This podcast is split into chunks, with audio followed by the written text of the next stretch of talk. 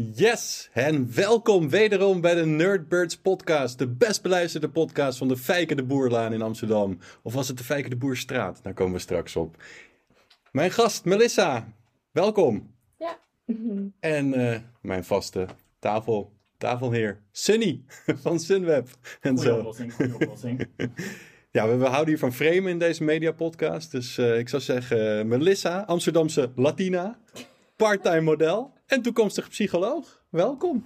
Dank je. Ja, het is een media podcast. Dus uh, meteen met de deur in huis vallen. Wat betekent media voor jou? Media, ja, um, eigenlijk ik denk alle vormen van contacten tussen mensen, of het nou online is of op tv, eigenlijk. Ja, dat is de definitie. Maar voor jou persoonlijk, wat haal je eruit? Wat uh, kom je er vaak mee in aanraking? Ik weet dat je een uh, goed uh, bekeken Instagram-account hebt, maar ja. Ja, het is um, als je dan kijkt naar social media, want ik denk dat je dat dan meer bedoelt, dan um, ja, kan je het op verschillende vormen zien. Je kan het zien als een soort van platform waarbij je met mensen kan connecten. Um, het kan ook een beetje als een netwerk fungeren, maar je kan het ook misschien zien als iets wat je kan gebruiken business-wise, zeg maar. Dus dat je het kan inzetten om misschien iets te verkopen of mensen te informeren of helpen. Dus ja, ik vind wel dat het iets is wat gewoon heel breed is. Ja, misschien kan dus, als je vanuit mediakant kijkt, niet alleen een mediakijker of totjenemer, maar ook een creator. Ik heb geen Instagram, dus ik heb je account uh, niet uh, gezien of zo. Maar zet je dan ook producties op, zeg maar? Klein, groot? Um, als producten bedoel je? Of? Nou, ik bedoel zeg maar dus foto's, filmpjes, dat soort dingen.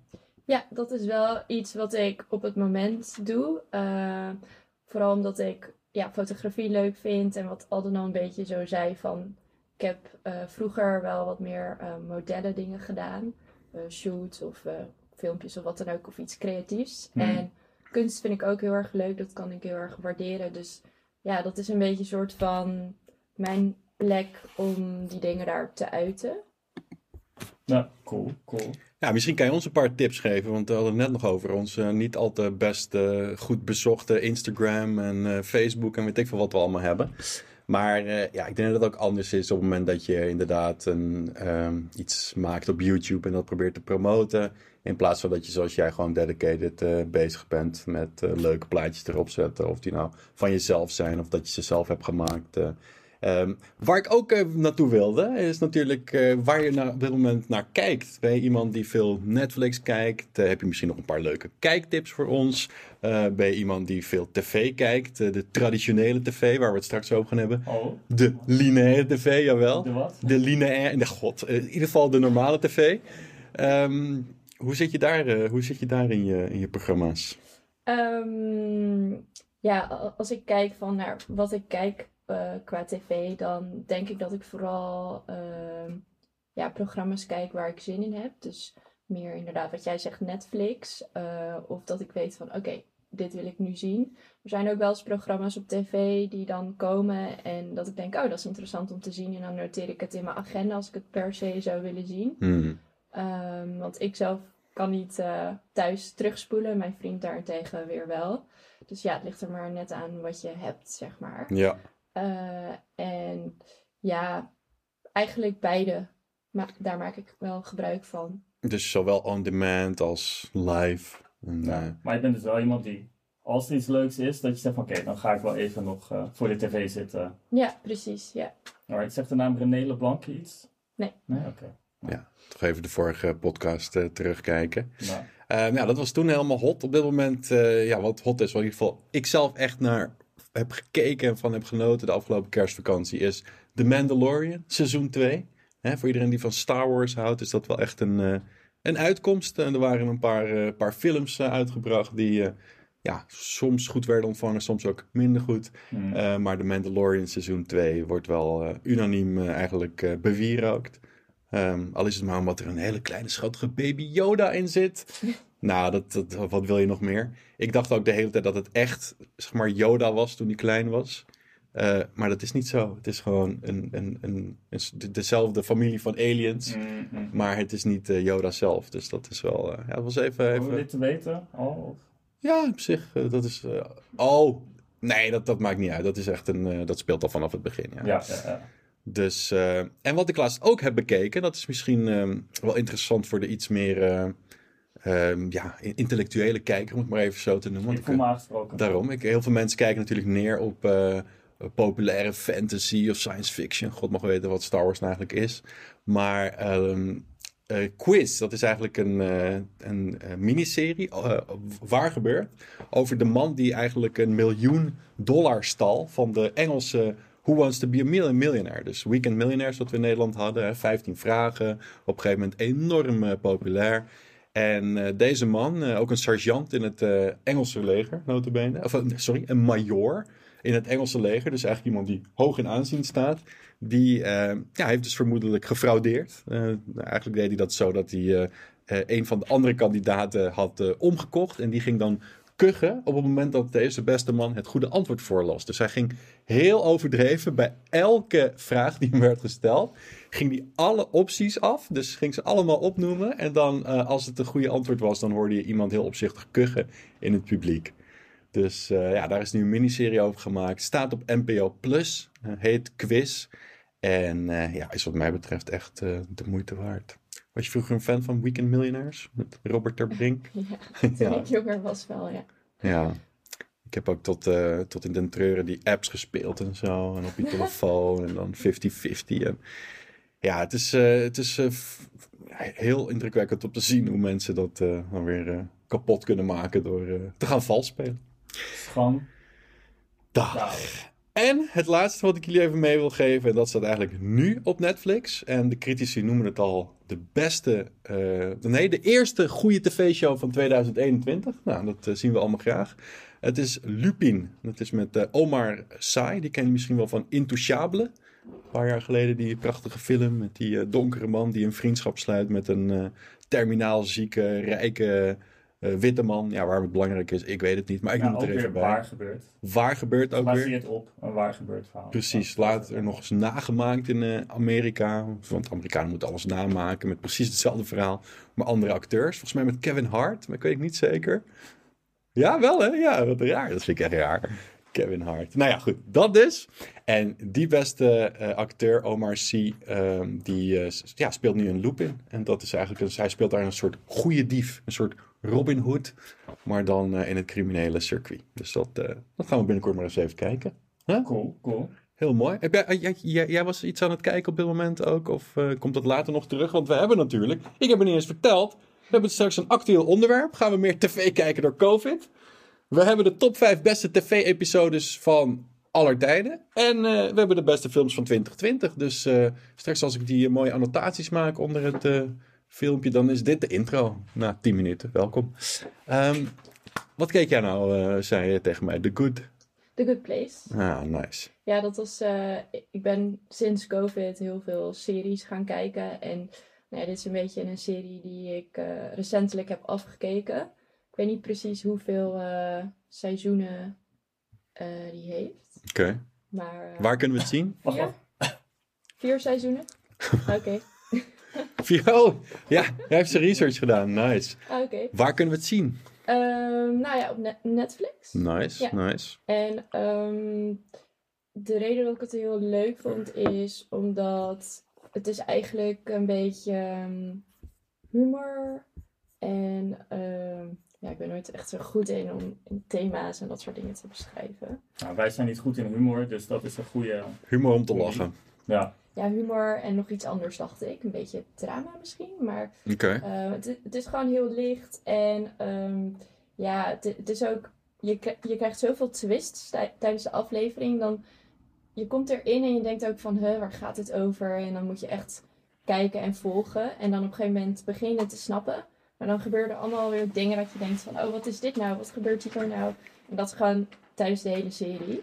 En op een gegeven moment ehm, krijg je het wel een beetje door, maar het blijft je altijd verrassen. Ja, wat ik altijd eh, interessant vind bij series. Je hebt eh, series die doen elke episode weer een apart verhaal. En dan op de achtergrond een soort doorsluimerend verhaal. En sommige series die gaan echt alleen maar door. Dus dan moet je het eh, hiervoor hebben gezien om het te snappen. Hoe is het bij The Good, The Good Wife? The Good Place. The Good Place? The Good Wife is ook een serie, maar dat is niet deze serie. The Good Place? The Good Place. Ehm, ja, ik, ik denk wel dat je het begin nodig hebt. Ehm, want ja, op een gegeven moment, wat, wat het is, is je leert dan de, de, de personages eigenlijk kennen. Van hoe ze zijn en waarom ze daar terecht zijn gekomen. Want Ja. Het he- heeft te maken met dat het een soort van experiment is. En dat mensen nadat ze doodgaan Spoiler? Nee, daar, daar terechtkomen of het nou een good place is of niet. Ah. Eh, dat moeten mensen maar zelf kijken en beoordelen. Is het ook een beetje fantasy dan? Is het een beetje, zeg maar, dat het... Ja, dat zou je kunnen Ah, zeggen. nice. En nou ja, er komt ook heel veel, eh, ja, komen morele dingen aan bod en zo. En nou ja, op een gegeven moment denk je zo van, oké, eh, dus deze persoon is zo en voor die persoon is dat belangrijk. En ja, ik denk als je er in één keer zou duiken, dat je dat mist. Hmm. Dus op zich kan je het wel bekijken, maar dan heb je niet echt eh, de, de personages nog door misschien. Ja, en volgens mij zijn die personages juist belangrijk. Want de ontwikkeling volgens mij, en ik heb de serie niet gezien, maar ik heb een beetje research gedaan natuurlijk. Eh, ik ben meer een trailer kijker dan een serie kijker, zeg maar. Eh, maar die personages maken een ontwikkeling door. Elk apart. En Ja. dat is leuk om te zien en te volgen, denk ik, dat je ziet van oké, eh, in aflevering 8 zijn ze anders dan in aflevering 1. Maar als Ja. je niet weet wat ze in aflevering 1 waren, dan komt dat niet over, denk ik. Ja, ja, precies. Dat ook inderdaad. Want ehm, nou ja, in het begin dan is er één personage die een beetje soort van selfish is. Dus eigenlijk alleen maar aan zichzelf denkt en gewoon een beetje scheid heeft aan andere mensen. Maar je ziet dat diegene wel beter wordt en meer ook aan anderen denkt en zo. Meer altruïstisch wordt. Hmm. Dus inderdaad, dat mis je dan als je bij vijf zou beginnen of zo. Ja, ja, ja. Vind jij dan ook makkelijker om die verschillende types te onderscheiden, omdat je zelf psychologie doet en daarmee bezig bent? Is Ja. het daarom ook interessant? Ja, zeker. Ja, ja. Ja, dat is eh, ook iets waar ik dan gelijk aan moet denken aan een serie die groot was toen eh, ik nog studeerde. Nou heb ik heel lang gestudeerd, hadden we het net over. Dus dat, eh, dat kan, kan heel veel zijn. Maar in ieder geval Lost was zo'n serie in de jaren 90, begin jaren 2000.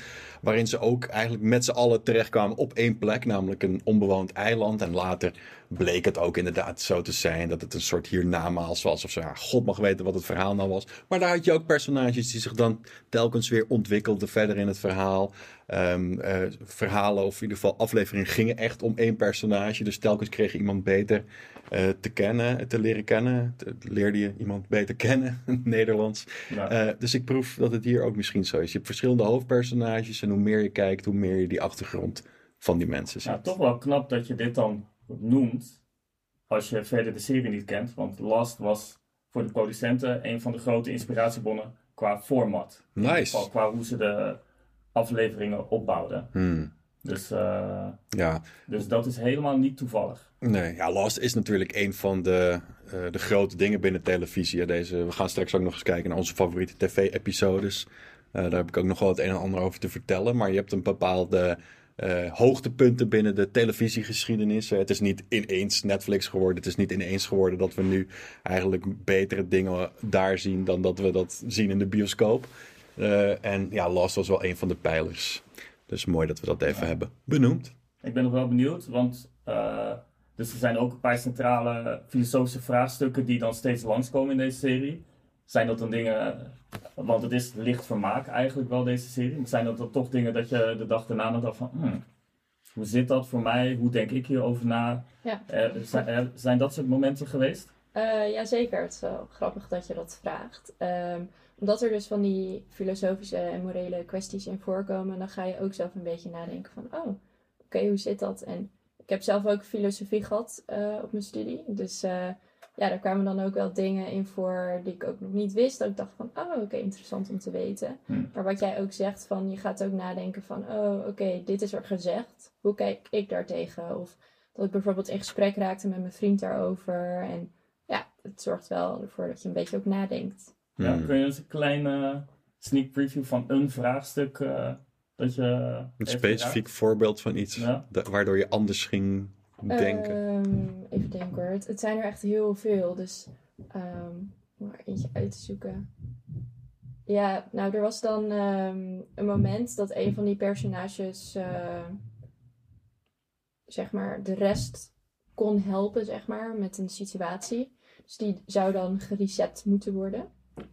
En dat was best wel een dilemma, omdat ehm, een andere personage die had een relatie met die personage. Dus als die gereset zou worden, zou die ook alle herinneringen verliezen, zeg maar. Hmm. Dus dat was een beetje zo'n moreel ding waar ze het over hadden. En uiteindelijk heeft diegene die, die met die oplossing kwam gezegd: Nee, ik doe het gewoon klaar. En de andere personage moest dat soort van accepteren. En ook voor het grote goed van de groep eh, daarin meegaan, uiteindelijk. Hmm. Maar daar heb ik dus over gepraat met mijn vriend: van ja, wat zou jij doen? En Hmm. eh, het was echt heel interessant om daarover na te denken. Ja, slaande ruzie daarna? Of was dit oké? Ik zou ze allemaal in de steek laten en jou ook. Oké, nou, want dan weten we het ook weer. Nee, het was vast een eh, mooi eh, altruïstisch eh, geheel. Ik heb nog één vraagje dan. Want Lost staat ook wel bekend om onze controversiële laatste aflevering. Toch? Van wat, Ja. wat vonden mensen van dat als slotstuk van, eh, Ja. van de serie? Heeft mensen wel ontevreden achtergelaten. Volgens mij Zeker. deze serie, je hebt hem van begin tot eind gezien, toch? Ja. Was juist eh, de laatste aflevering heel erg wel dat die closure bood. Dus dat je eigenlijk ja, alles netjes afgerond kreeg van hey, dit is het einde van de serie. En er bleef nog wel wat te vragen over, maar het zal weinig controverse geven. Of denk je wel van ja, hadden ze die laatste aflevering, wat toch een belangrijke aflevering is, anders aan moeten pakken? Ehm, ja, om eerlijk te zijn vind ik eindes nooit echt leuk van Hmm. films. Ik, ik weet niet waarom, maar ik vind altijd dat ik denk van... Oh, dat had leuker kunnen eindigen of zo. Of als het Hmm. heel sad is, dat ik dan denk, oh, wat stom. Ehm, maar ik had wel het idee van, oké, deze dit, het was niet zo'n erge einde. En het was op zich wel van, oké, uit- uiteindelijk konden ze het niet verder uitmelken, had ik het idee. Dus Hmm. het was ook wel gewoon oké dat het zo was geëindigd. Ja. Probleem met televisieshows is ook heel vaak dat ze van tevoren niet weten hoeveel seizoenen lang ze gaan verlengd worden. Dus dan schrijven ze maar door totdat er op een gegeven moment iemand in een eh, toren van een productiemaatschappij zegt van een studio: Ja, we hebben geen geld meer. En dan moet je er hals over kop een eind aan verzinnen. Ja. Hoe weten is- wij dat eigenlijk bij deze podcast? Voor hoeveel afleveringen zijn wij op dit moment? Ik heb geen idee. De meeste mensen zetten het toch na twee minuten uit. Dus die komen niet eens hier. Mooi! Dus we kunnen nu gewoon zeggen wat we willen. Hey. Ehm, ik zal eens even een klein bruggetje maken, want ons actuele onderwerp gaat ook over eh, televisie. En ook een beetje over corona, hè? of eh, COVID-19, zoals eh, mensen zeggen die intellectueel willen klinken. Dan kijk ik hier. Wat, wat, ik Ik dacht aangesproken. ja, dat dacht ik net. Ehm, en eh, er was gisteren dus een, eh, ja, een onderzoek. eh, want elk jaar doet de, ik geloof de Nederlandse stichting Kijkonderzoek dan die meet hoe vaak er tv wordt gekeken. Natuurlijk niet bij iedereen, maar alleen bij mensen die thuis zo'n kastje in huis hebben. En er worden allemaal dingen dan meegenomen van, oké, hoe vaak kijk je naar televisie live? Hoe vaak kijk je naar wat jij zei on demand? Dus uitzending gemist. En hoe vaak kijk je naar dingen zoals Netflix of Videoland? En dan bleek dat we dit jaar eigenlijk, terwijl het jarenlang naar beneden is gegaan, voor het eerst weer net ietsjes meer eh, live televisie hebben gekeken dan, eh, dan voorheen. En dan zegt iedereen eigenlijk gelijk eh, corona. En ik denk dat eigenlijk ook. Maar hoe zien jullie tv? Is dat eigenlijk een, een medium wat aan het uitsterven is, net als tijdschriften en kranten? Of denken jullie dat er altijd wel een toekomst zal blijven bestaan voor de klassieke televisie, waarbij je lekker gaat zappen en allerlei reclames tegenkomt en daarna programma's ziet? Hmm. Nou, misschien heb jij een openingsschot? Ik heb er wel mening over. Ja, ik heb er ook wel een mening over. Ehm, nou, volgens mij was er al een keer een soort van of documentaire of een praatshow op tv daarover. eh, waarbij er wat oudere ac- eh, acteurs of presentators aanwezig waren, zoals Linda de Mol. En dat ze het over dat onderwerp hadden. Oké. eh, hadden ze besproken dat eigenlijk, nou ja, eh, dat soort mensen eerder ontslagen worden of niet verlengd. Omdat ja, die een beetje een soort van houdbaarheidsdatum hebben. Hmm. Eh, en toen had ik eigenlijk wel het idee van, oh oké, nou dat lijkt me heel vervelend als je in zo'n positie zit natuurlijk. En dat het ook meer eh, richting online ging en marketing. En toen had ik ook wel het idee van, ja, er gebeurt ook nu veel meer online, zoals social media. En daar wordt ook allemaal content gemaakt van filmpjes en... Ja, en dan kan je zelf kiezen wat je kijkt. Want je scrolt zelf, je Ja. selecteert zelf, je kan pauzeren, je kan weer Ja. teruggaan wat je wilt, opslaan. En met tv, eh, ja, eh, het ligt eraan wat voor abonnement je hebt. Dan kan je ook wel terug en opnemen en zo. Eh, maar in mijn geval is dat niet zo. Plus wat jij zei over reclames. Ja, dat ben je verplicht om te kijken. En soms heb je daar gewoon niet altijd zo'n zin in. Dus dan, Nee, alsjeblieft niet. Ik word echt helemaal gek van reclames tijdens films bijvoorbeeld. Dus dan ga ik specifiek, als ik een film op tv zie, dan eh, ga ik eerst uitzoeken of het op een zender komt waar er geen reclames zijn. Zoals Nederland 1, 2, 3 heb je. Je hebt de Belgische canvas en weet ik het van BBC. En wat ik ook niet snap is, waarom doen ze niet gewoon op Nederland 1, 2 en 3 geen reclames? Ik bedoel, dat wordt, ik weet niet voor hoeveel procent, maar in ieder geval voor een hoog percentage gesponsord door de belastingbetaler. Eh, dat zijn jij en ik, jawel. En, eh, en, ver- en vervolgens moet je, dan, moet je dan gaan kijken naar reclames. Ik bedoel, ik zat laatst eh, het journaal te kijken en dan ging het naar één vandaag. En, en, en, en daartussenin zaten weer reclames. Denk van ja, hoezo dan? Moeten ze dan die presentatoren, moeten ze die dan eh, Matthijs van Nieuwkerk en zo zoveel betalen? Komt het daardoor? Want stel dan gewoon een maximumlimiet in voor die presentatoren. Zeg dan gewoon, oké, je mag eh, 2000 euro eh, krijgen per maand. Eh, mag je ook nog in je handjes eh, knijpen en dan eh, dat is het. Nou, Ik vind het raar.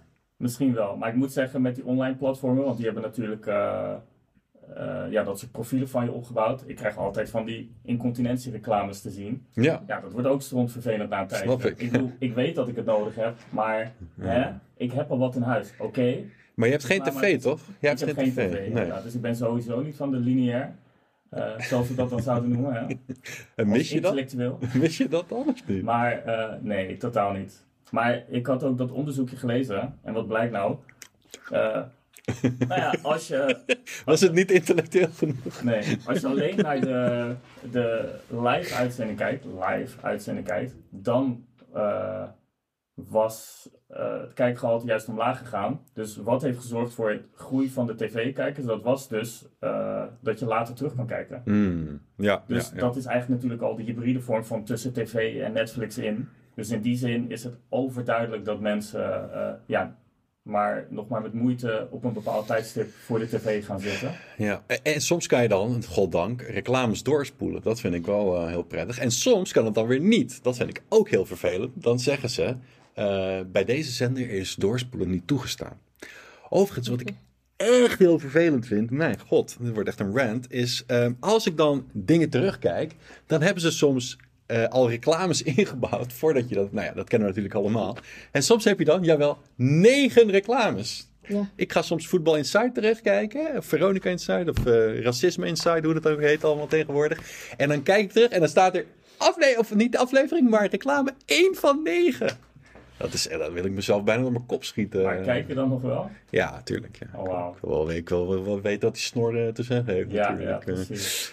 Ja, het is eh, pijnlijk, maar ik denk dat we eraan vastzitten, eh, reclames. En ik snap het ook wel. Bij de commerciële zender snap ik dat wel. Hè? Als je gewoon nul belastingcenten krijgt. Maar als je 80, 90 procent wordt gesponsord door de belastingbetaler... waarom moet je dan nog reclames erin knallen? Goeie vraag. Hou er eens mee op. eh, Volgende podcast nodigen we Matthijs uit en dan kunnen we. Dat Zeker. Gaan we, zit hier allemaal, oh meneer Matthijs. Ik ga me helemaal in zijn reet kruipen natuurlijk. Hopende dat hij, dat hij... Ik ga in zijn reet kruipen, Matthijs, als je komt. Eh, nee Matthijs die doet, eh, die doet nu rustiger aan. eh.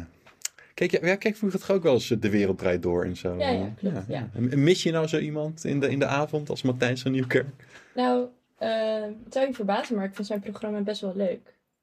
Omdat hij ehm, ja, toch wel anders keek naar dingen dan ik deed in het begin. En ja, ik kon het op zich wel een beetje een soort van waarderen of zo. Ja. Dat hij het van verschillende kanten belichtte. En Hij ook een beetje een soort van cynisch was of zo. Ik weet niet, hij had een beetje aparte humor, maar Ja, ja. ja, nu heb je Jinek. Ik weet niet of je dat kijkt. Dat Ja. eh, vind ik wel leuk.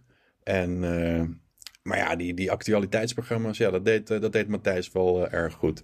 En dat zijn dan wel typisch programma's die heel logisch zijn voor lineaire tv. Want je Ja. wil allemaal op die dag, op dat tijdstip het gezien hebben. Want als Ja. je drie dagen later terugkijkt, kan het alweer veranderd zijn. Dus misschien is dat wel de toekomst van de tv. Dus films en zo, dat gaat allemaal verdwijnen. Leuke series, want ja, dat kijk je on demand. Ja, ik, ik snap wel wat je bedoelt inderdaad. Eh, iets als het journaal kijk ik eh, ook graag en actualiteitsprogramma's. En het is gewoon raar om actualiteitsprogramma's, dat heb ik bij Voetbal Insight ook, om het dan een week later terug te kijken. Dan denk je van ja, maar dat gaat allemaal over dingen die al geweest zijn. En, dus dat, ik begrijp dat je dat zegt. Maar ik vind alsnog televisie ook heel fijn voor de films. Want omdat er zo'n enorm aanbod is en ik Mm. heel veel moeite heb met kiezen. Nou, dat zie je vandaag ook al. Dit, dit past eigenlijk niet bij elkaar. Maar ja, ik had gewoon moeite met kiezen. Maar dan vind ik het fijn als iemand anders dat voor me kiest. Bijvoorbeeld zo'n film. Zoals gisteren op tv Ai, Tonja. Ook echt een, eh, echt een aanrader. Het is een, het is een soort thriller over een, iemand die, eh, die schaatst. Het is een, een kunstschaatster. En eh, het wordt echt verteld alsof het een, een soort van eh, maffia-thriller is. Het is allemaal waar gebeurd. En ja, normaal als ik dit, als ik dit zou zien ergens op on demand, dan zou ik denken van ja, wel, kunstschaatsen, wat heb ik daar nou mee? Helemaal niks. Er is een zo'n leuke comedy, geloof ik, eh, met eh, Will Ferrell, dat ook kunstschaatsen. Die is dan wel leuk, maar voor de rest heb ik echt niks mee. Maar nu dacht ik, oh, oh dit, deze, want hij heeft wel hoge cijfers. Nou, dan ga ik eens kijken. En het, was gewoon echt een fantastische film. Dus ik weet niet of, het, of, of films ook helemaal gaan verdwijnen op, op, op termijn van tv. Zeg maar, heb jij wel eens langs dat je denkt van, oh, leuk film, blijf ik even hangen. Ja, alleen het probleem is wel dat het of al is begonnen. Ja. Dus dan heb je al een deel gemist. En dat vind ik ook wel stom. Het Ja. ligt er een beetje aan. Als het tien minuten nog in het begin is, zeg maar, dan denk ik, oh, ik kan aanhaken. Maar als het al wat verder is, dan is het van, oh, ja. En Ja. Of het tegenovergestelde, dat je juist alleen maar het einde ziet. Dat je dan Oscar Schindler ziet. zo, Vijf miljoen, weet je wel. Mm. Dan denk je van, eh, nee, Oscar Schindler, grap, knippen we eruit. Ehm, ja, ik begrijp wat je bedoelt, ja. En soms ga je dan kijken of dat, die film ergens op eh, Netflix staat of zo. En dan ga je hem daar terugkijken. Dat, dat kan ook. Ja. Maar ja, blijft televisie bestaan in de huidige vorm? Ik, ik ben bang van wel. Ik denk niet dat het zoiets is als kranten en tijdschriften. Ik denk niet dat het een houdbaarheidsdatum heeft. Ehm, al is het maar omdat er zoveel mensen liever, kijk naar mezelf, liever lui dan moe zijn. Dus die weten wel dat on-demand bestaat en dat je kan zoeken op dingen. Maar die hebben dat dan liever niet. Maar dat is een beetje vraag. Kijk, wij zijn opgegroeid met televisie. Nou, jij ook nog wel. Uiteindelijk, als je vraagt aan een, jong, een van 16. Ik denk niet als hij, eh, weet ik voor 50 is, of die dan zeg maar diezelfde nog wel hang naar tv. Want dat is niet wat hij gewend is. Dus ik kan me voorstellen binnen nu een 40 jaar dat je dan zou zien van hé, hey, iedereen die tv kijkt gewend was, is uitgestorven. Eh, dat tv dan ook wel ophoudt. Maar ja, dat is natuurlijk niet relevant voor nu binnen nu een 10 jaar, 20 jaar. Want dan zal tv natuurlijk lekker doorstomen. Dus eigenlijk wat jij zegt is dat het meer een generatieverschil is. Hoe je tv consumeert. En ik denk Ja. dat het meer een persoonlijkheidsverschil is. Ja. Dus dat het dan het soort mens ligt. Nou, ik hoop dat we elkaar over 40 jaar nog een keertje tegen kunnen komen. En dan kijken wat het is geworden, wat het was. Ik denk dat we in ieder geval net zoveel haar zullen hebben als eh, nu. Eh, nou, misschien eh, iets minder. Maar ja, nee. Ja, laten ik, ga, we... ik ga volgende zomer naar Turkije, dus ik heb dan weer... Nice. Ja. Echt implantaten nemen. Ik, ik zou zeggen, laten we over 40 jaar nog eens eh, terugkomen op deze Ja. discussie. Maar de bottom line is, ik denk dat we dat allemaal wel Nou ja, we onderschrijven. hebben een doorslaggevende Doorsla- ja, ja, we gaan stemmen. Wat, wat, denk jij?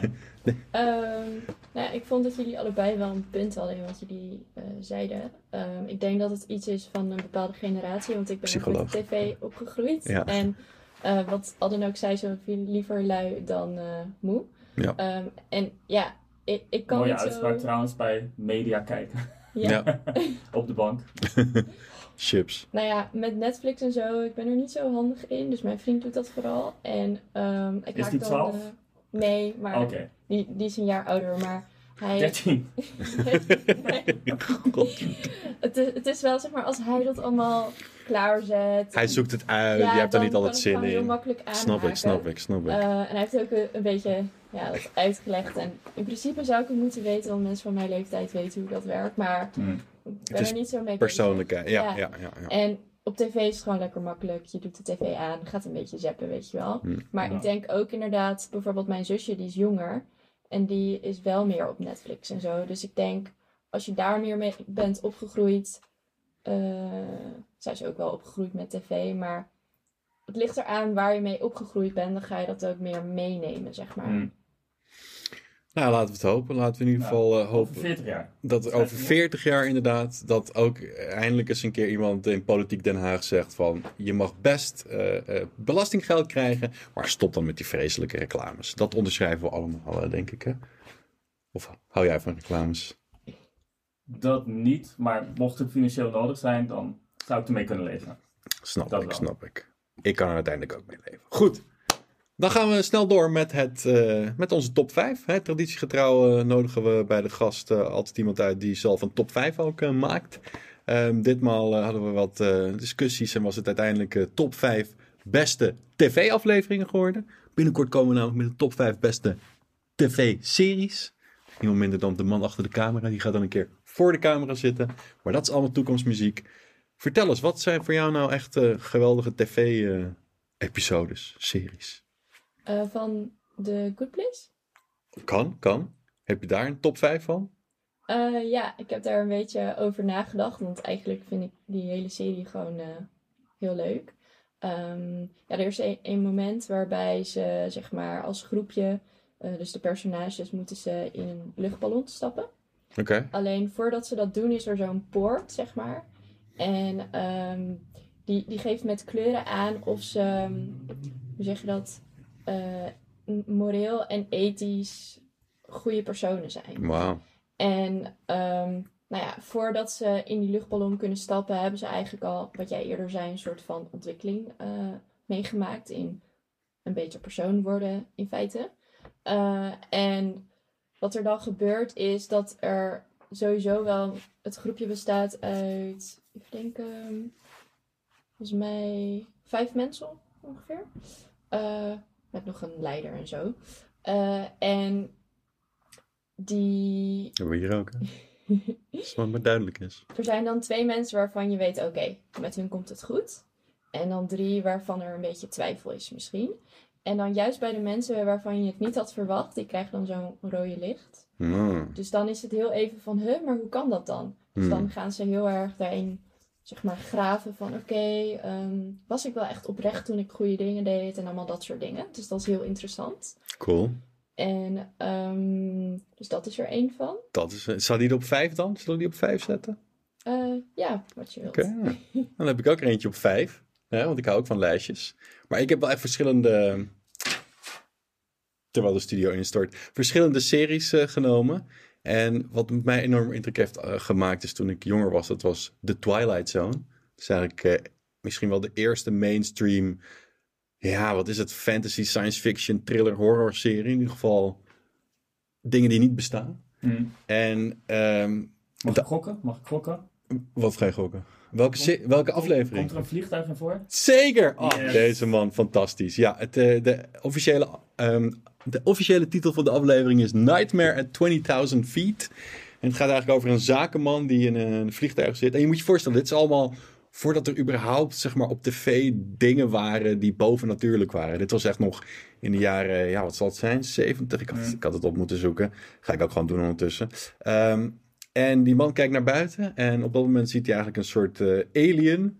eh, of, of een soort ja, duivelsfiguur op de vliegtuigvleugel zitten. En die gaat hem vervolgens achtervolgen. En nou ja, goed. eh, ik, was, eh, ik was jong en het was eh, bijzonder indrukwekkend. Dus daarom eh, op vijf. Nou, ik denk ook vooral omdat, het, omdat je totaal niet gewend was om zoiets überhaupt te zien. Dus het was vernieuwend en dan ook nog eens indrukwekkend. 11 oktober 1963 hebben we, schrijven we. Dus dat is echt, eh, Dat is helemaal ziek. dat is echt ziek inderdaad. Eh, dus dat mensen... Ik weet niet 100% zeker of dat dan de aflevering is die wij hebben gezien of dat wij een remake gezien hebben. Wij hebben inderdaad een remake gezien. Want daar waren de special effects ook beter en was het niet zwart-wit. Ja, Eh, maar zo zie je maar weer dat 20, eh, 20 jaar later met die remake dat het alsnog indruk heeft eh, gemaakt. Dus er zijn eigenlijk hele generaties zijn gewoon verkloot door dit soort, eh, dit soort beelden, zou je kunnen zeggen. Nou ja, is wat anders dan een ballon, maar toch. Vertel, wat is, eh, wat is je volgende aflevering? Van eh, dezelfde serie. Ja, als je andere hebt, vind ik dat ook. als jij Football Insight eh, kijkt, dan Oh. zijn we ook benieuwd. Ja, nou ja. Ehm, nou ja, misschien is het ook wel leuk om een andere eh, op te noemen. Er is een serie die ik ook heb gekeken en dat was daarvoor, dat was Queen of South. En dat is meer een beetje een soort van eh, thriller, misschien ook wel drama of zo, Oké.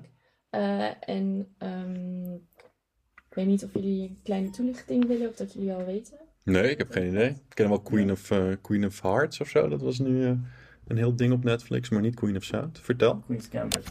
Oh ja, ja. Ja, die is ook leuk. Ehm, nou, een korte samenvatting is dat het gaat over een, eh, ja, een drugskartel. En dat vrouwen daar heel erg empowered worden in die serie. Dus dat in plaats van mannen het allemaal daar de baas in zijn, zijn het vooral vrouwen.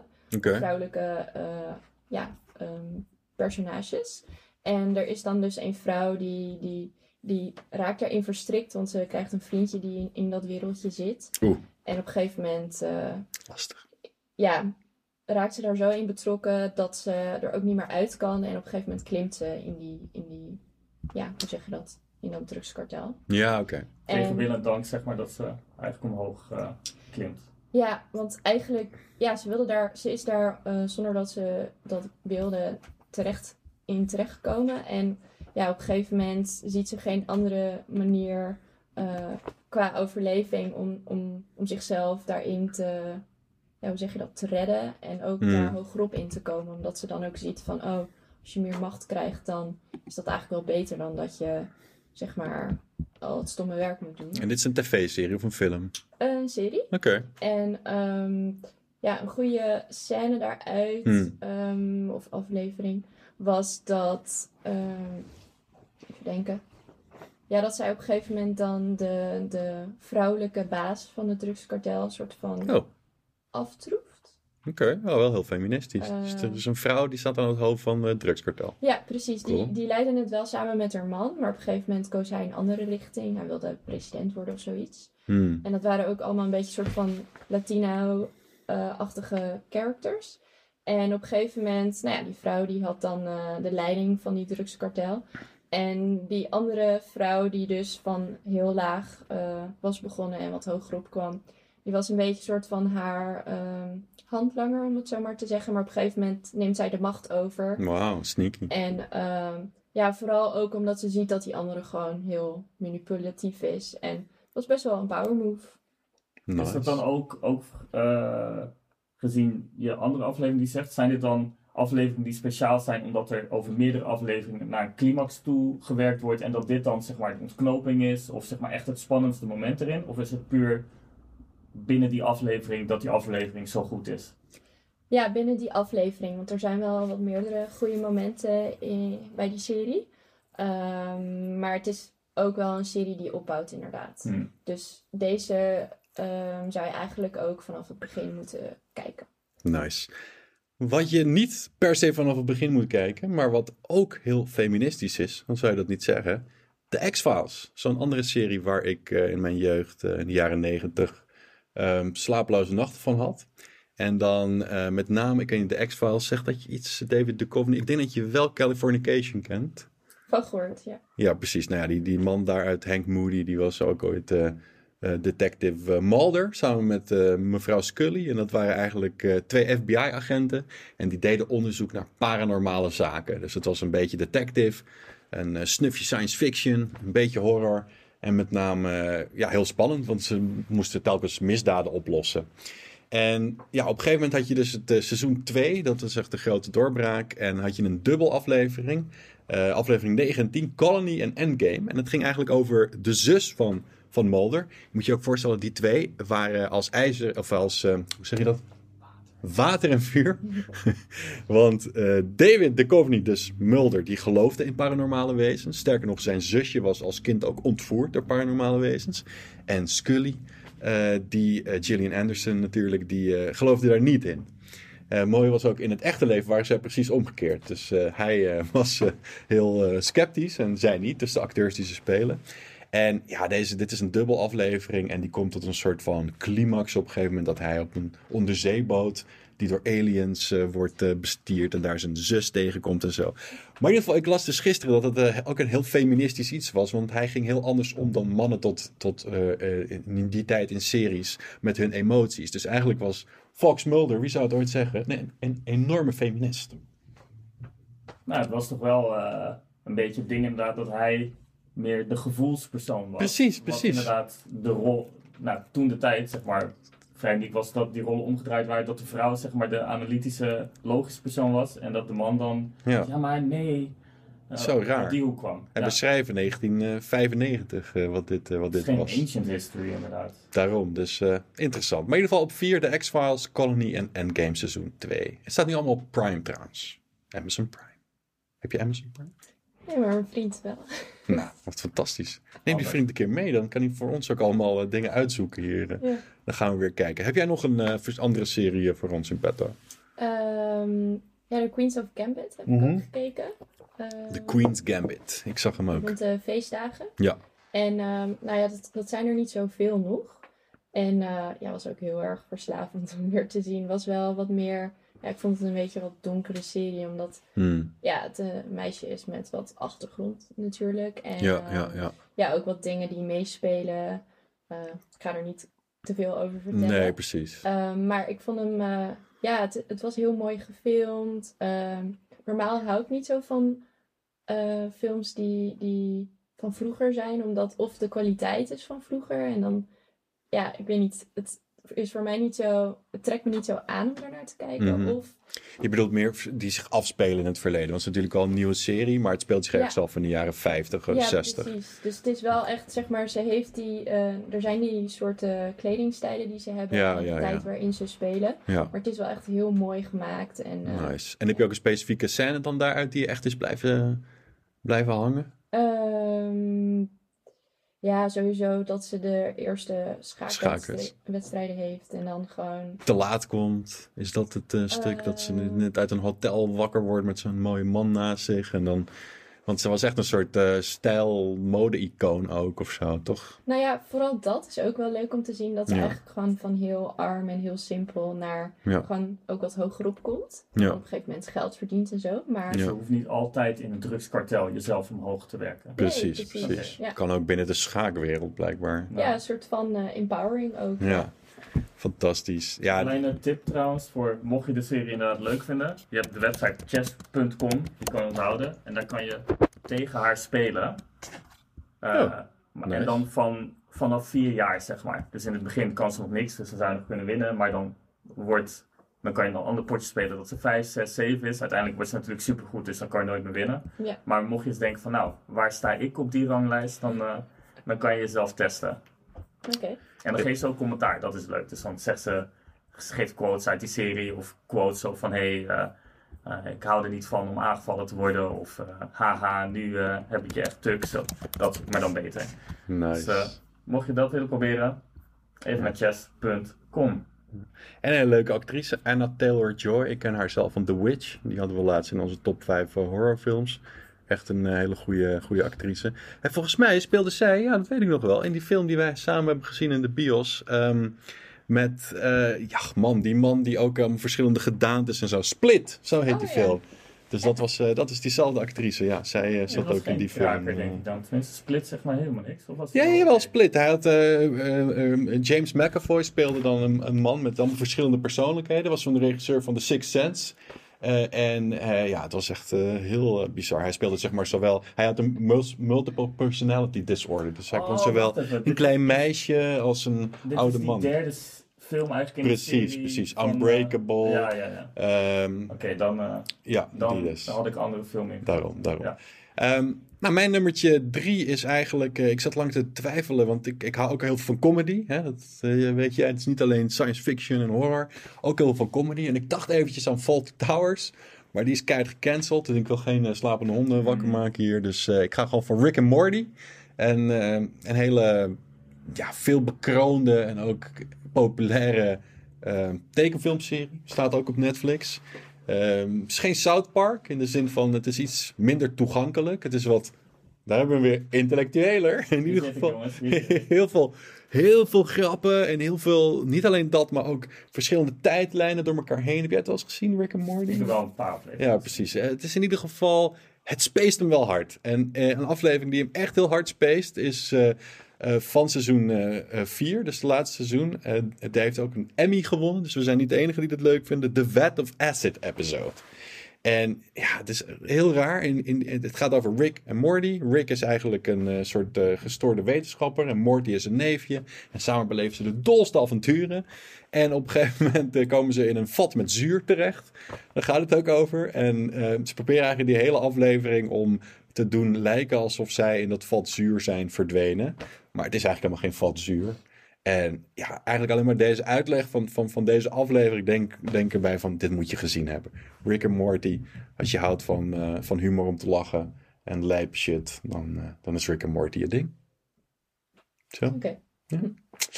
En eh, een heel ding met saus. Want zij wilden dus, zij hadden dus op een gegeven moment een speciale saus verzonnen voor die serie in de McDonald's. En die was zo populair dat ze toen eh, Rick en Morty fans hebben geëist dat die saus er echt kwam. Ja. En uiteindelijk heeft eh, McDonald's eh, ja, heeft gezwicht voor de druk en heeft die saus eh, Wat is fictie en wat is realiteit? Weten we het nog? Niemand weet het nog. Niemand weet het nog. Ehm, nou, tot nog twee te gaan. Heb je er nog, heb je er nog twee? Ik, ik vind het wel lekker eh, dit. Ik Ja. zit wel te wachten op die E-team aflevering, jongens. Wie Ja. gaat hem brengen? De, Wat? de E-team. Ja, dat is echt iets van de jaren tachtig. Oh, eh, eh, Ehm, even denken hoor. Ehm, ja, ik heb ook een tijdje You gekeken. oh ja, You. Ehm, ik weet niet of jullie dat kennen. Jij hebt me er wel eens iets over verteld inderdaad, maar ik heb het nog nooit eh, gezien.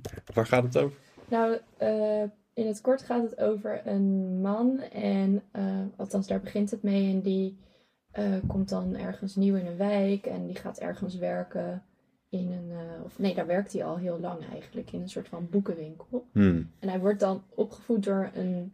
Ik weet niet. Ik kan me niet herinneren of het zijn echte biologische vader is. Of dat het een soort van. Stiefpa. of- Ja, stiefpa of een soort van vaderfiguur is. Hmm. Of gewoon zijn baas van de boekenwinkel. Maar Hmm. in ieder geval iemand die een soort van voorbeeld is voor hem. En die is heel hard en heel streng. Dus die corrigeert hem ook door op te sluiten en best wel gru- gruwelijke dingen te doen. En Herkenbaar. slaan en dat soort Ja. dingen. Ehm, dus daar wordt hij, wordt hij zeg maar best wel eh in gevormd. In dat hij... ehm, Misvormd. Of, nee, nee, lichamelijk zie je dit niet. Maar meer ja, psychologisch. Ja, ja, ja, ja. Mentaal. En wat er dan gebeurt is dat hij heel erg geobsedeerd raakt door ja, zijn geliefdes of crushes, zeg maar. Oh ja, ja, ja. Dus dan gaat hij op een gegeven Heel moment... eh, herkenbaar. Stalky, stalky. ja, gaat hij op een gegeven moment een meisje die hij leuk vindt, gaat hij achtervolgen.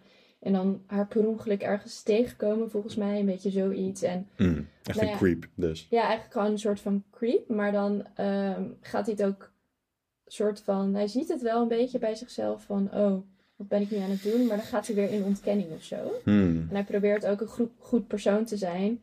En nou ja, uiteindelijk komt zijn lelijke kant naar boven. Hmm. Ehm, maar een van de afleveringen die ik echt een beetje eh, ja, intens vond, zeg maar, was dat ehm, je op, ja, op een gegeven moment eh erachter kwam wat, wat hij eigenlijk eh, had gedaan. Ah, oké. Ja, ik kan er niet te veel over zeggen. Want, Maar hij kwam in ieder geval tot inzicht dat hetgene wat hij deed niet goed was? Of wist Ja, hij überhaupt want- niet dat hij dat had gedaan? ja, het- Hij of wij als kijker wij als kijker. kwamen er ineens achter van, oh wacht eens even. Dit Ja, want je had het zeg maar, je had al een beetje gelezen van, oh, eh, dit gaat een beetje hierover, weet je wel. En je had ook de trailer gekeken. Maar dan begon je met kijken en omdat hij dus ook wel het idee gaf dat hij gewoon zijn best deed. Of soms Ja, ja, dingen deed, dacht je van, nee, dat zal wel niet, weet je wel. Hmm. En mijn vriend was elke keer van, nou, eh, ja, jij bent, eh, je, je, je wilt echt in het goede geloven van hem, hè? En ik was van, nou, we zullen het zien tot- totdat het tegendeel is bewezen. Ja. En dan kwam iets, eh, zeg maar, aan het licht, of in het licht van wat hij had gedaan. Dan was het echt wel zo van, oh wow. En nou ja, één aflevering was dus dat je dacht van, op een gegeven moment was er iemand in een soort van kooi. En die was ook volgens mij vermoord of zo. Toen dacht je dus dat hij dat was. En Oké. toen bleek het dus iemand anders te zijn. Hmm. Waarvan ik nooit had verwacht. Volgens mij ben je wel fan van de twist. eh, Ja, in sowieso inderdaad van mensen en wat hen beweegt en zo. En ik moet gelijk denken natuurlijk aan Dexter, de meest bekende serie waarbij er een seriemoordenaar wordt gevolgd ook, eh, die ook detective is en die, eh, die als kijker een soort van figuur vindt, maar ook weer niet, die allemaal rare dingen doet. Dus eh, mooi voorbeeld inderdaad. Ehm, twee zitten we alweer. Wat had ik op twee gezet? Natuurlijk, Breaking Bad. Seizoen 3, aflevering 10, The Fly. Dat is een aflevering. Nou, sowieso Breaking Bad is een van mijn favoriete series. Het gaat over een man die eh, eh, terminaal ziek is, een scheikundeleraar. En die denkt van fuck it, ik ga geld verdienen door eh, drugs te maken. En dat doet hij ook met heel veel succes. En in deze aflevering is eigenlijk op het hoogtepunt van zijn, eh, van zijn ehm, ja, drugsmaak eh. Dus hij zit eh, met hoe noem je dat, vaten in de weer en chemicaliën. En de aflevering heet Fly, dus die wordt helemaal staat helemaal in het teken van één vlieg die he- hem het leven zuur maakt. Dus die landt in zijn, in zijn spullen, die landt op zijn hoofd. En hij wordt ook echt gefilmd vanuit die vlieg. En ja, die aflevering is gewoon echt, echt legendarisch en geniaal. En staat voor mij synoniem voor ja, dat, dat echt, echt tv als kunstvorm. Dat je op een gegeven moment denkt van, fuck it, we hebben de characters geestablished, we hebben de story geestablished. We kunnen het nu ons veroorloven om alles vanuit de point of view van een vlieg te filmen. En het is nog steeds fantastisch. Dus eh The Fly. Nou, wel grappig trouwens hoe jullie dit nu eh, bespreken. Twintig jaar geleden had je zeg maar niet zo'n intro nodig.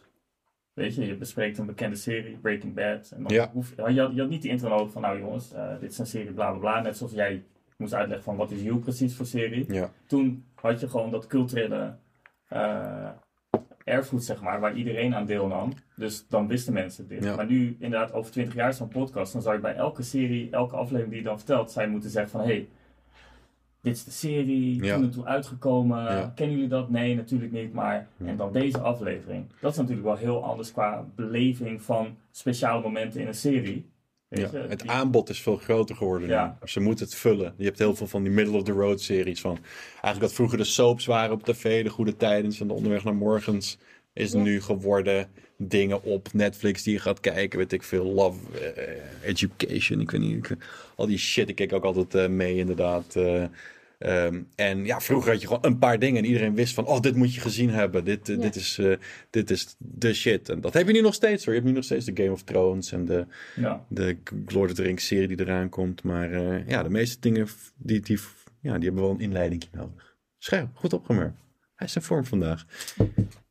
En de allerlaatste serie. Heb je nog een allerlaatste tipje van de sluier van wat jij eh, een goede episode vindt? Ehm, ik denk dan toch weer de, The Good Place. Oké. dat ik die wel een van de leukste vond. En ehm, daar was er een aflevering waarbij ehm, ja, de, de personages eigenlijk zeg maar naar een soort van rechter ging of zo. Die, die een beetje zou bepalen van of ze nou wel goed of niet slecht waren geweest als Mhm, persoon. mhm. Of een goede ontwikkeling hadden gehad of niet. En die moesten dan door een test heen gaan waar zij heel veel moeite mee zouden hebben. Dus dan was er bijvoorbeeld één personage die was altijd heel nieuwsgierig, wilde altijd roddels voeren, allemaal dat soort dingen. Oh ja. Dus die ging dan door een gang lopen met allemaal deuren met naamkaartjes van waar wie achter die deur zou kunnen zitten. Hm. Dus daar waren dan allemaal bekende celebrities, want zij was iemand van high society of zo. En ook één deur met haar ouders. En eh, haar dilemma in het leven was altijd dat zij nooit genoeg was voor haar ouders. Dus ze, ze liep gewoon door die gang en ze dacht, nou, dit kan ik wel. En dan keek ze wel eens naar die borden van, oh, oh daar zit die en daar zit daar en diegene. En bij de laatste deur waren het haar ouders en ze kon het gewoon niet laten. Ja, oké. Ehm, maar ja, dus elk personage had Ik zo zou het wel zijn- kunnen laten, denk ik. Ik zou Ik denk gewoon... dat jouw zou- gang er anders uit Ja, dit is... hey, Duitse Cruise. Oké. Dus dat was wel ook weer... Dat eh, is geen dilemma. een metafoor. eh, ja, nee, dat is zeker geen dilemma. Maar dat was ook weer een metafoor voor het leven en keuzes die je maakt en zo. En ik, ja, ik heb, jou, ik heb jouw smaak wel eh, door. Denk Ja. je, mijn smaak hebben jullie ook al door. Want op één heb ik gewoon staan The Battle of the Bastards natuurlijk eh, van Game of Thrones. Seizoen 6, aflevering 9. Een grote veldslag tussen, tussen eh, ja, House Stark en in ieder geval die, die ene gast met die, met die honden. Ik ben even zijn naam kwijt, maar in ieder geval top aflevering. Ga dat allemaal zien. Nou, dan lijkt me dit genoeg over televisie. Hè? Tenzij iemand nog iets wil melden. Want we hebben Ja, nog nee, eh, blijkbaar valt de E-team buiten. de E-team. Zou dat voor jou... Laten we dan daarmee afsluiten. Welke aflevering van de E-team zou voor jou dan de allerbeste zijn? Ja. En is de E-team beter dan MacGyver? Ook een vraag die ik... eh, ja, ik denk dat dat tijdsgebonden is. Hè? Als je begonnen bent met de E-team, dan ga je gewoon voor de E-team, denk ik. Ehm, ja, die, die ene aflevering, die vond ik fantastisch. Waarbij, eh, dus de E-team werd toen ingeschakeld door iemand die ja, best wel in de problemen zat. Eh, en toen ging de E-team erheen, maar toen kwamen ze in de problemen omdat er bad guys waren. Dus toen zaten ze in een soort kleine ruimte, moesten ze allemaal dingen gaan knutselen bij elkaar.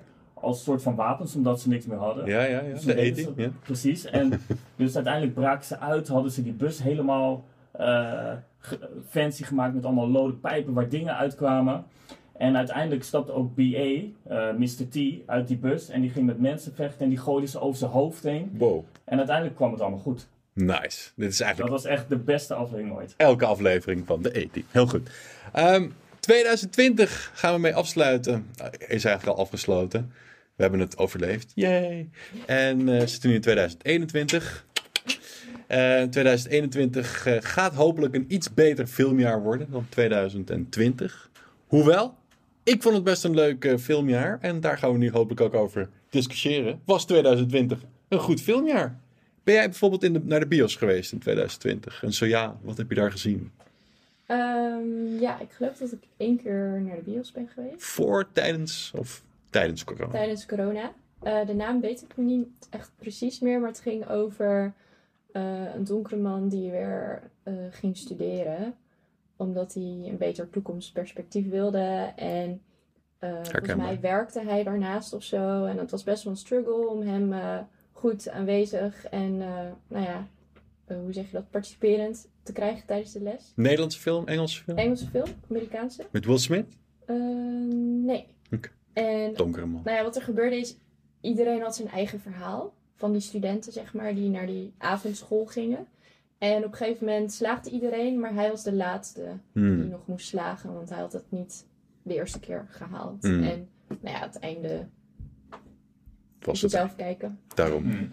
En hoe vond je? een hartverwarmende. Sowieso, ja. Ja, het was, volgens mij was het ook wel een beetje eh komiek. Ja, kan. Kevin Hart? Was die zo groot ongeveer? nee. Nee, dat was niet Kevin. Maar hoe vond je het om weer in de bios te zijn met, met corona? Want dan is het wel weer afstand houden. Ik bedoel, denk je dat het tijdelijk is dat we nu even de bios... Bedoel, sowieso kunnen we er niet in vanwege de lockdown. Ja. Maar denk je dat de bios ook een beetje aan het uitsterven is? Of komt het weer helemaal terug in 2021? Ehm, ja, het ligt natuurlijk aan de maatregelen. Toen Ja. ik ging voelde het gewoon wel fijn. Want je had zeg maar een rij ertussen en achter Ja. die leeg was. Dus mensen konden er zo langs. En er was ook genoeg afstand tussen, tussen Nice. stoeltjes. Dus dan, nou ja, ehm, had je genoeg... Ja, er, er- er was, het was gewoon goed geregeld allemaal. En Ja. het voelde gewoon prima. Maar het lijkt me wel een noodgreep, zeg maar, die setting, omdat je natuurlijk nooit een bioscoopzaal vol kan krijgen. Dus ja, ik denk meer, je krijgt er wel geld op binnen en dat is oké. maar winst erop maken zal waarschijnlijk moeilijk worden, verwacht ik. Dat ja denk ik als het inderdaad zo doorgaat. Tenzij ze de popcorn echt 15 euro gaan maken. Tja. 2020 was in ieder geval een jaar waarbij ik veel goede films heb gezien, maar In de weinig, bioscoop weinig daarvan in de bioscoop inderdaad. Eh, sommige films kwamen ook uit in de bioscoop en waren dan even later eh, op on-demand te zien.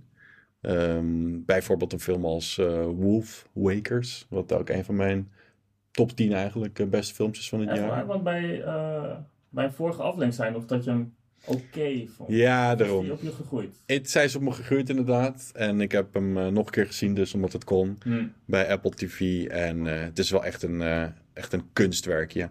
Ehm, eh, heel anders dan bijvoorbeeld Soul, een andere film die in mijn top 10 eh, staat, die op Disney Plus te zien is. Ehm, van Pixar. Dus ja, die hebben. Zou die, is dat een nieuwe top 5 film? Nee, dat denk ik niet. Dat niet. Van Pixar bedoel ik? Het was. eh, ja, precies. Ja, die hebben we natuurlijk ook gedaan, top 5 Pixar.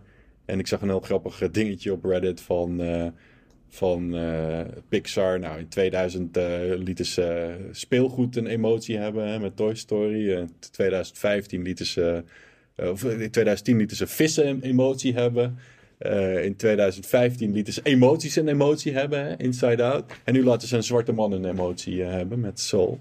Dus eh, ik vond het ook een beetje een, een hele mierzoete film eigenlijk.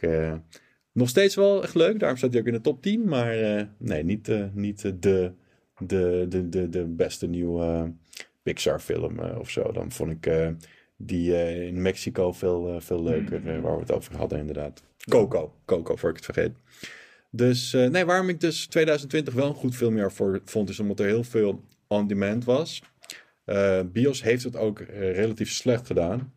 Ehm, een film als Tenet heeft met, met, met de hak over de sloot zijn budget terugverdiend. En dat is eigenlijk, nou ja, de nieuwe Christopher Nolan.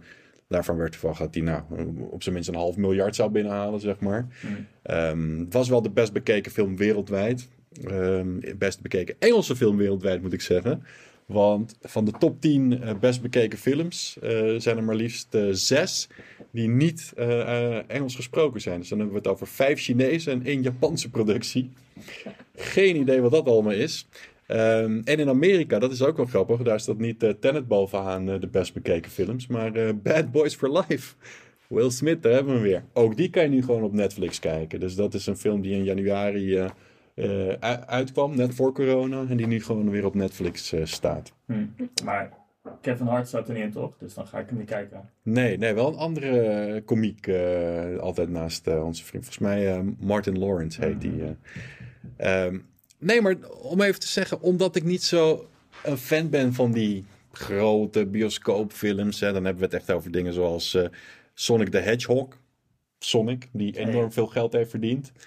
Eh, Wel My Guy natuurlijk, hè? dat weet je. dat weten we, dat weten we. Met Jim Carrey als eh Dr. Robotnik. Jumanji hebben we ook, een remake. eh die ik ook niet heel bijster geweldig vond. En Dr. Dolittle. eh, die echt alle Razzie Awards en alles heeft verdiend. Dat zijn nou net de meest bezochte films in de bioscoop. Dus dat zijn nou niet echt de films die mij, die mij aanspreken. Ook, hè? Je hebt ook licht intellectuele neigingen natuurlijk. Ik heb zeker licht, licht, licht, licht intellectuele neiging, ondanks dat ik het niet uit kan spreken. Ehm, nee, dus echt die, eh, die On Demand heeft mij eh, verrast. Eh, andere film die je nu, bijvoorbeeld een documentaire waar ik ook echt van hou, die je nu op NPO Plus kan kijken, is Collective. Ehm, dat is ook, nou ja, wat mij betreft, wel een top 5 waardige film. Hm. Ehm, en de beste docu van het jaar. Ehm, en hetzelfde geldt voor Boys State. Dat, dat kan je nu gewoon kijken op eh, Apple eh, TV. Ehm, en ja, eigenlijk allebei die films laten een soort van donkere zijde zien van de politiek. Hè, collectief gaat het over eh Roemeens eh, ramp. waarbij er mensen zijn verbrand. en daarna eh, met z'n allen naar het ziekenhuis kwamen. Een beetje wat je hier had met het café Het Hemeltje 20 jaar geleden. Maar dan een paar jaar geleden tijdens een rockconcert. En op dat moment kwam eigenlijk aan het licht dat die hele infrastructuur van de Roemeense gezondheidszorg eh, niet capabel was. Eh, er gingen meer mensen dood na die brand vanwege het falen van de gezondheidszorg. En met name het feit dat ze hun hygiëne niet op orde hadden. Dan dat er mensen tijdens die brand doodgingen. Hm. En in die documentaire zie je dus in eerste instantie hoe die overlevenden dat vertellen. Maar dan shift het eh, de point of view naar eh, de minister van Gezondheidszorg. Die gevolgd wordt door de cameraploeg. Terwijl die probeert om die corruptie eh, uit te bannen. En ja, het is ongelooflijk tegen hoeveel hindernissen zo'n man oploopt. Met de beste bedoelingen. Ja. Ehm, en dat heb ik nooit eerder op die manier gezien. En het is nota bene een EU-land. Dus ehm, het komt Ja. heel dichtbij. Op een gegeven moment dan eh, probeert je aan capabele mensen te komen. En dan wordt tegen hem gezegd zo van... Ja, maar het instituut dat die mensen opleidt is in en in corrupt. Dus Precies. daar, daar kan je niks van verwachten. Alsof het AMC, zeg maar hier, geneeskunde helemaal vol zat met, met, met corrupte, corrupte mensen. Die inderdaad, eh sommigen hadden dan, die waren directeur van een bedrijf, of van een, eh, sorry, ziekenhuis. Mhm. En ondertussen zaten ze in de board van een, van een bedrijf dat, weet ik veel, ziekenhuisbedden levert. Of je moet maar gaan kijken. Het is, eh, het is eh, best wel disturbing. En Boy State, dat is dan eh, echt Amerikaanse politiek. Dat gaat over een eh, zomerkamp in het zuiden van Amerika, in Texas meen ik. Waarbij echt tientallen politici, presidenten ook, hun, in hun jeugd een zomerkamp hebben gevolgd. Mhm. Dus dit is echt een soort eh eliteclubje. En dan als je daar komt, dan ben je inderdaad, eh, krijg je debatles en dat soort dingen. En eh, worden er ook daadwerkelijk verkiezingen gehouden. eh, wordt er ook geregeerd. Zij mogen dan bepalen wat ze gaan doen tijdens dat zomerkamp. En dit is best wel huge trouwens, toch? Want dit is echt met duizend... eh, Heel veel kinderen mensen. tegelijkertijd. Heel veel Dus mensen. het is niet dat je Ja. een zomerkampje hebt, maar het is echt... Ja, ja, ja. Het, is, het is echt een ding in Amerika, weet je. Zeg maar voor, voor, voor high-profile Americans is het wel place to be. En wat je dan ook ziet is dat eh, mensen worden gewoon ingedeeld in groepen. Jij bent voor, jij bent tegen. En ze leren om te denken vanuit het standpunt. Dus vanuit het politieke standpunt. Eh, bijvoorbeeld één iemand zegt op camera van... ja, ik ben nu wel ingedeeld als republikein... en dan moet ik zijn tegen abortus en, eh, en voor God... en God mag weten wat allemaal. Maar privé ben ik dat helemaal niet. Alleen het trekt wel stemmen. Dus ze leren eigenlijk al dat politiek niet de waarheid is. En niet het beste met iedereen voor hebben is. Maar gewoon het vervullen van het stereotype waardoor mensen op je gaan stemmen. En dat is eigenlijk zo schrijnend om te zien al op die leeftijd. Ja. Want hoe oud zijn deze eh, 18, jongens? 19, 17, zoiets. Ja, 17, 18. En, ehm, maar wat je ook ziet, zijn sommige, sommige mensen die zo ontzettend veel talent al hebben op die leeftijd. Dat ze hele groepen kunnen, nou ja, kunnen laten meevoeren in hun, eh, in hun standpunten. Dus aan de ene kant heel eng, omdat je mensen hebt die dingen zeggen waar ze niet achter staan. En aan de andere kant heel inspirerend dat er mooie, ook zo'n zwarte jongeman die echt prachtig predikt eigenlijk daar. En ook verkozen wordt tot, eh, tot leider. Dus eh Boy State. Ja. Ja. En je hebt dus niet per se eh, zo'n kamp nodig om inspirerend eh, leider te worden natuurlijk. We, je hebt dit van tevoren voor de podcast nog even doorgestuurd, maar de Chicago 7. Ja, zeg maar, Trial of the Chicago wil, 7. eh, Zeker, zeker. bespreken. Zeker. Maar inderdaad, één persoon die daar voorkomt, Fred Hampton, dat was een leider van de Black Panther Ja. beweging, eind jaren 60. Ja. Was echt jonge jongen, 21 jaar, is toen die doodgeschoten werd door politieagenten. Vermoord. Laten eh, ik ben geen republikein, dat merk ik wel, maar vermoord door... eh, maar wat die jongen op dat moment al bereikt heeft in zijn leven, en dan zonder ooit bij zo'n kamp geweest te zijn, maar gewoon de mensen te inspireren en door zijn persoonlijkheid. Eh, ja, en dat is een productie die wel dit jaar uit gaat komen, volgens mij. Dat een, ja, een verfilming van zijn levensverhaal. eh, Oké, eh, die, die staat nog op de stapel. Ja. ja. Nee, The Trial of the Chicago 7 is ook eh, een, eh, in ieder geval een hele sterke film. Staat gewoon op eh, Netflix. Is eigenlijk een rechtbankdrama, maar dan weer eh, vanuit een nieuw perspectief. Heel veel goede personages. Ehm, goed geacteerd. En ja, dat verhaal, als het, als het waar is en het is ongeloofwaardig, dat vind ik altijd de allerbeste verhaal, weet je wel. Van, het is waar gebeurd, maar je gelooft het eigenlijk niet dat het zo raar is gegaan. En eh, Ja. ja, dit is echt een hele goede. Een andere hele goede die op Netflix staat, eh, eh, die ik misschien niet als film even sterk vind, maar als acteerprestatie des te meer, is Ma Rainey's Black Bottom. Eh, met eh, daar ons eh, helaas ontvallen vorig jaar Chadwick Boseman, ook, wel- oftewel Black Panther. En ja, die speelt daarin een jonge jazzmuzikant in de jaren 30, geloof ik. Eh, en die speelt met zoveel overgave. En je ziet al duidelijk dat iemand, hij had dus kanker, hij had het vier jaar verborgen gehouden en hij is overleden. eh, zonder dat hij dat eigenlijk groots had aangekondigd. Eh, je ziet al dat hij sterk vermagerd is en alles. Maar ja, ik denk dat hij heel, grote kans maakt op een postume Oscar. Eh, die film zelf zit ook heel goed in elkaar. Is gebaseerd op een eh, toneelstuk. En heel veel eh, leuke jazzmuziek. Maar ik vond al die personages zo onsympathiek. Ehm, en dat, ja, dat maakt dan voor mij dat zo'n film dan weer net niet helemaal ehm, een aanrader is. Maar Hmm. ja, je moet wel blind zijn om, om niet te kunnen zien dat deze man goed kan acteren. Want dat kan die. Je moet wel doof zijn om niet te kunnen zien dat, ja, bruggetje, Riz Ahmed geweldig acteert. Dat is een ander iemand. Eh, en die speelt in Sound of Metal. En dat wordt misschien wel de eerste grote acteurs-Oscar voor, eh, voor een film die op Amazon Prime staat. Het gaat over een metal drummer die doof wordt. En ja, wat vooral sterk is aan die film is dat je als eh, kijker eigenlijk mee wordt gevoerd met het hele verhaal. Omdat de sound editing is zo gedaan dat eigenlijk ook langzaam, als hij het gehoor verliest, jij dat eigenlijk ook doet als kijker. En dat was nog nooit op die manier in een film, de grote film, ja, gedaan. Nou. En ja, die Riz Ahmed eh, is echt eh, fenomenaal als die eh, metal drummer. Hij zit de hele tijd tegen het boze aan, weet je wel. En dan één keer komt er zo'n uitbarsting. En dan, nou, geweldig. Dus dat, dat wordt nog wat. Chadwick Boseman of Riz Ahmed straks met de Oscars. nou, Ehm, maar dat zou dan een postume Oscar misschien worden. ja, daarom. daarom. Is dat wel eens eerder voorgekomen? Ja, dat is wel eens eerder voorgekomen, zeker. Ja, ik, onlangs zelfs nog, maar ik ben even kwijt wie, dat, eh, wie dat nou was. Trouwens, of heb je nog veel... eh, Nee, nee, nee, nee. Ik ben wel benieuwd. Zeg maar, nee, je bent even in de luistermodus gegaan. Maar Alden heeft nu veel eh, ja, toppers eh, opgenoemd, zeg maar. Zijn er dan dingen waarvan jij eh, nou, ten eerste zijn er dingen die jij ook gezien hebt. Of anders, dus zijn er dingen waarvan je zegt van... Nou, dat klinkt zo interessant. Misschien moet ik dat ook op mijn toekijklijstje zetten. Eh, volgens mij wat jullie hadden over Boys... Boy State, ja. Boys State, dat klonk Die interessant. documentaire, ja. Eh, over die kinderen, toch? Ja, ja, ja. Op zo'n kamp. Ja. Eh, dat, is wel, dat lijkt me wel interessant, want eh, ik kan me wel zelf herinneren dat ik ook wel eens tijdens werkgroepen zo'n soort van opdracht heb gedaan. Niet echt zo'n kamp, maar wel Hmm. van oké, je moet een stelling aannemen, ook al ben je er niet achter. Hmm. En dan moest je zo ja, waar je in gedeeld was, moest je dan tegen elkaar debatteren. Ja. Dus dat lijkt me interessant. En, ehm, maar ook wat jij net vertelde over die drummer die langzaam Ja. doof wordt. Ja, ja. Eh. Sound of Metal. Ja, want dat vind ik op zich wel heel creatief gedaan. Of zo komt Ja, het heel over. cool. Dus ja, Cool. Het is wel een unieke manier om dat eh, te beleven, inderdaad. We spelen alleen geen metal. En ik vind- dan denk ik van ja, dan ga je het over metal drummer hebben. Heet die fucking film Sound of Metal. En dan spelen ze een of andere, ik weet ook niet wat het was, een soort Nine Inch Nails-achtige eh, industrial eh, crap. Voor ik het vergeet, er staat nog een andere fantastische film op Netflix. En die heet Mank. Die gaat over Joseph L. Mankiewicz, de schrijver van Citizen Kane.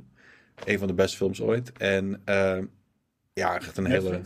Netflix? Ja, ja, ja. Staat, oh, of Citizen Kane staat niet op Netflix. Dat helaas niet. Hmm. Maar Mank dus wel. eh, van de regisseur van Seven en ehm, Gone Girl, David Fincher. Fantastische regisseur.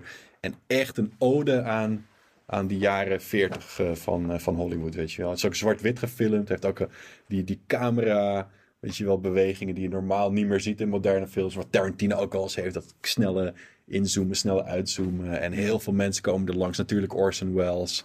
En eh, Gary Oldman speelt daar de hoofdrol. Ook een van de, de mensen die een Oscar-nominatie gaat verdienen, denk ik. Nou, ik denk wel dat je Melissa kwijt was, want zwart-wit. Zwart-wit, ah. Is dat dan zoiets waarvan jij zegt van nou... Zwart-wit, dat is no-go? een minpunt. Eh, ja ik, ik denk het niet. Als het de hele film is. De hele film, ja. ja, ja, ja. Nee, ik, ik weet niet. Ik moet wel een beetje geprikkeld worden tijdens de film. Snap ik. Het lijkt heel erg op The, Artist. Dat was ook zo'n film die een paar jaar geleden... Die ging over de, de tijd van de, van de stomme cinema. Dat je niet geluid had. En die werd dan ook zwart-wit gefilmd. Dus het, het, kan, het kan leuk zijn. Het kan leuk uitpakken. Ehm, ja, er rest ons eigenlijk niks anders dan nog eventjes vooruit te kijken naar 2021. Wat hopelijk weer een jaar gaat worden dat de bioscopen terugkomen. Onder meer een nieuwe James Bond. Eh, die is uitgesteld, de laatste van Daniel Craig, No Time to Die. Die komt ergens in maart in de bioscopen.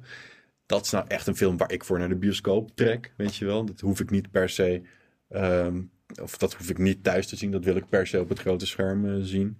Ehm, en wat er ook komt in eh, 2021, dat is eh, HBO Max. En ehm, die hebben laatst aangekondigd dat ze alle nieuwe Warner Bros. films tegelijk on demand gaan doen en in de bios. Dus dan kan je denken aan eh, kleine producties zoals eh, Matrix 4 of eh, de nieuwe Dune. Ehm, dus ja, ik ben echt benieuwd waar dit naartoe gaat. Ja, niet alle films zijn de moeite waard om in de bios gekeken te worden. Maar sommige films, die wil ik gewoon echt wel in de bios zien. En Ja. niet per se op zo'n klein schermpje. Dus ja, ik hoop dat het een mooi bioscoopjaar mag worden.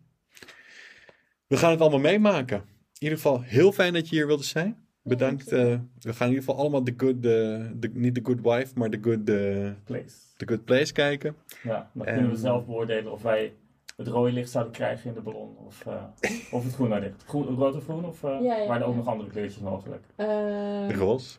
nou, ja, je, had ook zo'n soort van AI-persoon of robot. En die kreeg dan een blauwe licht of allerlei kleuren. Maar dat Mm. had dan te maken dat zij geen echt persoon is. Ja, ja, ja. Nee, ik ben toch ook een echt persoon. ja, precies. Jij ook weer bedankt. hey, het was weer eh, leuk om dit allemaal aan te horen en mee te kunnen doen. Je hebt je goed eh, voorbereid. Het was Absoluut, eh, even een avondje googlen en dan kom je heel veel te weten. Deze man. Research, hè. Aan al die intellectuelen die aan het kijken waren, zeg ik bedankt. En ook aan alle niet-intellectuelen die aan het kijken waren, waaronder mijn familie, zeg ik bedankt. Eh, abonneer je, duimpje omhoog en wij komen gewoon weer terug in 2021 met nieuwe podcast reviews en al het andere gedoe. Toedeledokus! Het je.